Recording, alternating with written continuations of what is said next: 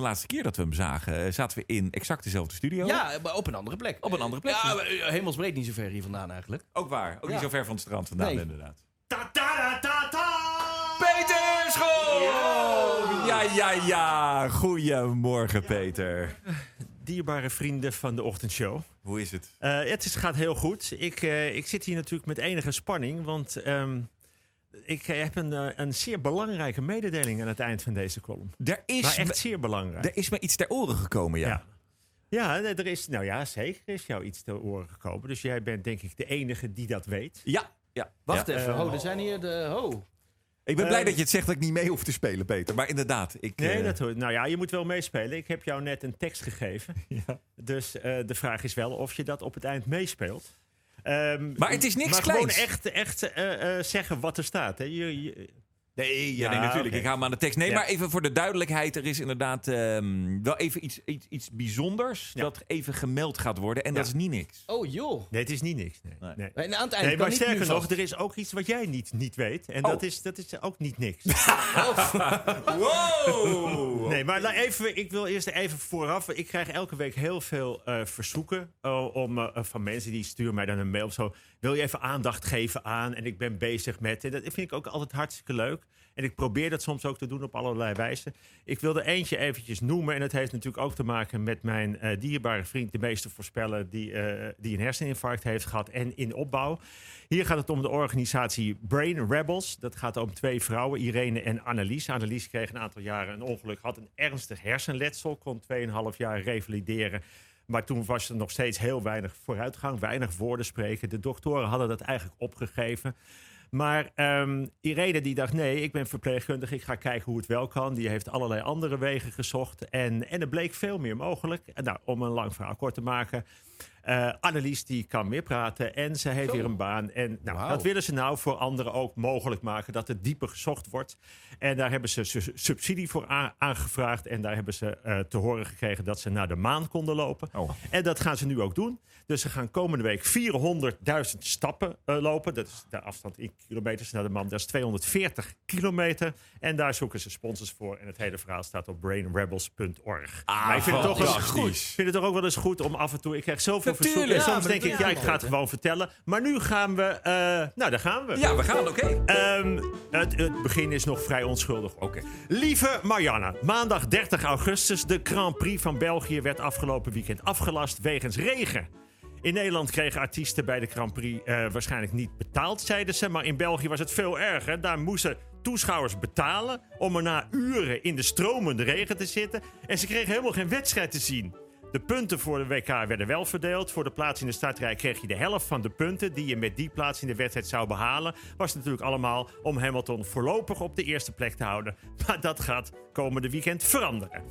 Meer België. In België is een nieuwe wet. Het is een goederenwet. De mopperende buurman die weigert de bal terug te geven als kinderen die in zijn tuin hebben getrapt, heeft van nu af aan geen poot meer op te staan in België. Door de nieuwe wet mag je nu zelf de tuin inlopen om jouw bezit op te halen. Geldt ook voor jouw kat in de tuin van een ander. Volgens de wet moet je wel eerst netjes aanbellen om het te vragen, maar welk antwoord zou ik geven? Jij mag die tuin in. En dat vind ik een mooie regel.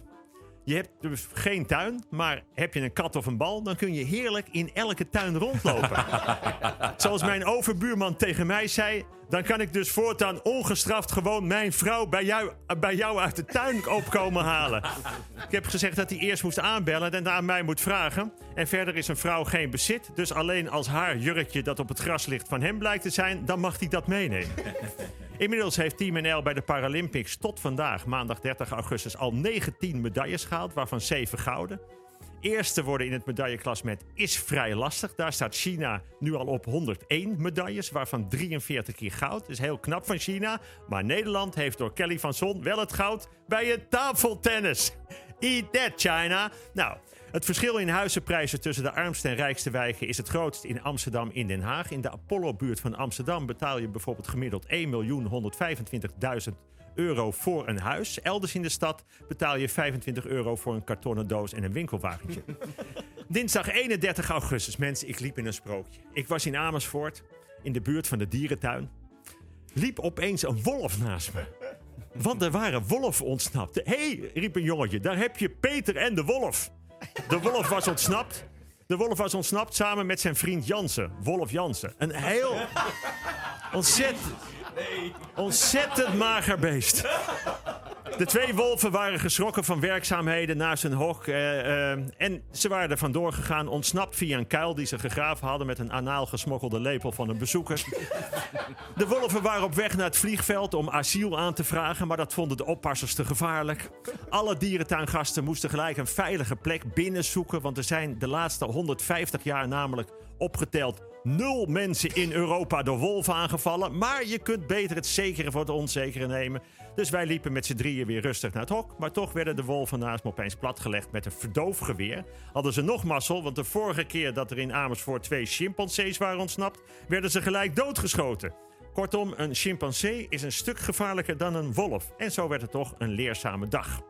Bij het handbiken van de Paralympische Spelen hebben Jets de Plat, Mitch Valise en Daniel Abrams in verschillende klassen het goud gehaald. Ik zeg het maar even, omdat weinig mensen ermee bezig zijn. Nederland staat nu negende in het medailleklassement met 29 medailles, waarvan 13 goud. Woensdag 1 september in België gaan grote festivals wel gewoon door, terwijl dat in Nederland niet mag. En dat komt waarschijnlijk omdat het COVID-virus in het algemeen niet naar Belgische festivals gaat, maar liever kiest voor Lowlands of Zwarte Cross. Kinderen in China mogen van de autoriteiten nog maar drie uur online gamen per week. Ik herhaal, drie uur gamen per week.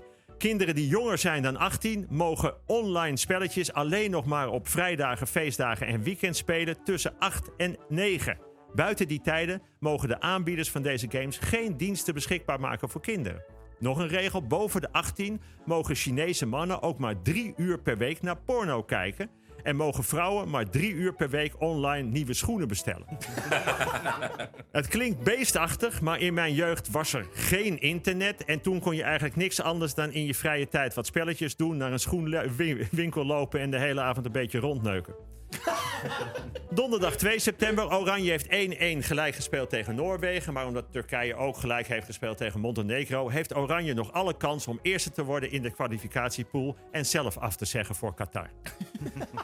Het kabinet is al acht maanden demissionair. Verkiezingen zijn ruim vijf maanden geleden. En de formatie zit weer helemaal vast. Terwijl wij, op kinderen, eh, ter- terwijl wij kinderen op school leren dat ze echt met iedereen moeten leren omgaan, blijken ze op volwassen niveau veel kinderachtiger. Inmiddels staat Team NL bij de Paralympics zevende in de medaillespiegel met 41 medailles. 19 gouden, 11 zilver en 11 bronzen. Ik zeg het maar omdat weinig mensen hiermee bezig zijn. Vrijdag 3 september. Ja, dat is dan toch wel groot nieuws. Voor mij. Maar ook voor jullie als trouwe luisteraars. Ook voor de ontrouwe luisteraars is gro- groot nieuws. Vandaag moet ik, onder enige druk, bekendmaken dat mijn wekelijkse column op de vrijdag bij Radio 538 na 19 jaar om kwart voor tien vanaf volgende week om kwart voor negen zal zijn. Ik herhaal niet om kwart voor tien, maar om kwart voor negen. Na 19 jaar. Het leek de radiospecialisten beter om het een uur te vervroegen. Voor mij ook raar, maar zo is het. Vanaf volgende week niet om kwart voor tien, maar om kwart voor negen. Ik vind dat groot nieuws. Het sneeuwt eigenlijk het andere grote nieuws, namelijk dat het vandaag mijn duizendste lieve Marianne is op Radio 538 een beetje onder. De duizendste. Ik neem daarin mee alle keren op vrijdag en alle keren bij de grote sportevenementen. Ik vind het een mooi aantal hoor. Duizend, toch wel even om stil bij te staan. En dat op vrijdag om kwart voor tien. Want daar had ik het over. Volgende week niet om kwart voor tien, maar kwart voor negen. En het is nogal wat, hè? Lieve Marianne, een uur eerder. Dat is eigenlijk hetzelfde als het 8 uur journaal va- vanaf volgende week om 7 uur. en het luchtalarm voortaan elke tweede maandag van de maand. Maar goed, volgende week dus niet meer om kwart voor tien, maar om kwart voor negen. Zodat er elk, eh, elke dag een uur verrukte kan zijn. Het lijkt een enorme verandering. Zeker op zo'n dag dat het de duizendste column is. Maar ik ga ervan uit dat de luistercijfer wetenschapsdeskundigen heel goed weten wat het beste is. En voor de oplettende trouwe luisteraar verandert er komende winter eigenlijk niets. Want de lieve Marianne-column is dan wel om kwart voor negen.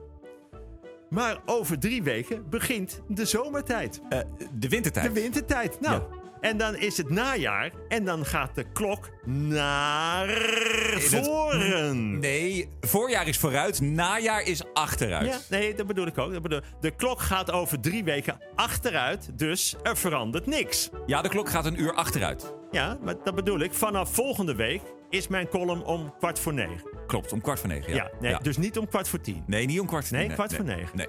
Ja, maar Eh, wacht nou. Over drie weken gaat de klok een uur achteruit. Dus om drie uur s'nachts is het opeens twee uur. Je, je begint het een beetje te begrijpen na al ja, die jaren, zeker, Peter. zeker. De klok gaat een uur terug. En om kwart voor negen s'morgens is het dus eigenlijk kwart voor tien. Ja. Dus dan is over drie weken de column gewoon weer om kwart voor tien. Nee, kwart voor negen. Nee, er is toch een uur af. Dus om drie uur s'nachts is het opeens twee uur. Om zeven uur is het acht uur. Dus om kwart voor negen is het kwart voor tien. Dus als ik hier om kwart voor negen moet zijn over drie weken, dan is het kwart voor tien. Kortom, voor mij geen enkele verandering. Want het is een uur eerder en daarna is het gewoon weer het oude kwart voor tien. Nee, die kwart voor negen voor jouw column is nu voor altijd. Nou, ik vind prima als jij dat denkt. Als de luisteraar en ik elkaar maar begrijpen. Eh, volgende week dus kwart voor negen. Ja, volgende week nog wel om kwart voor negen. En dan nu voor al die keren duizend keer dank. Peter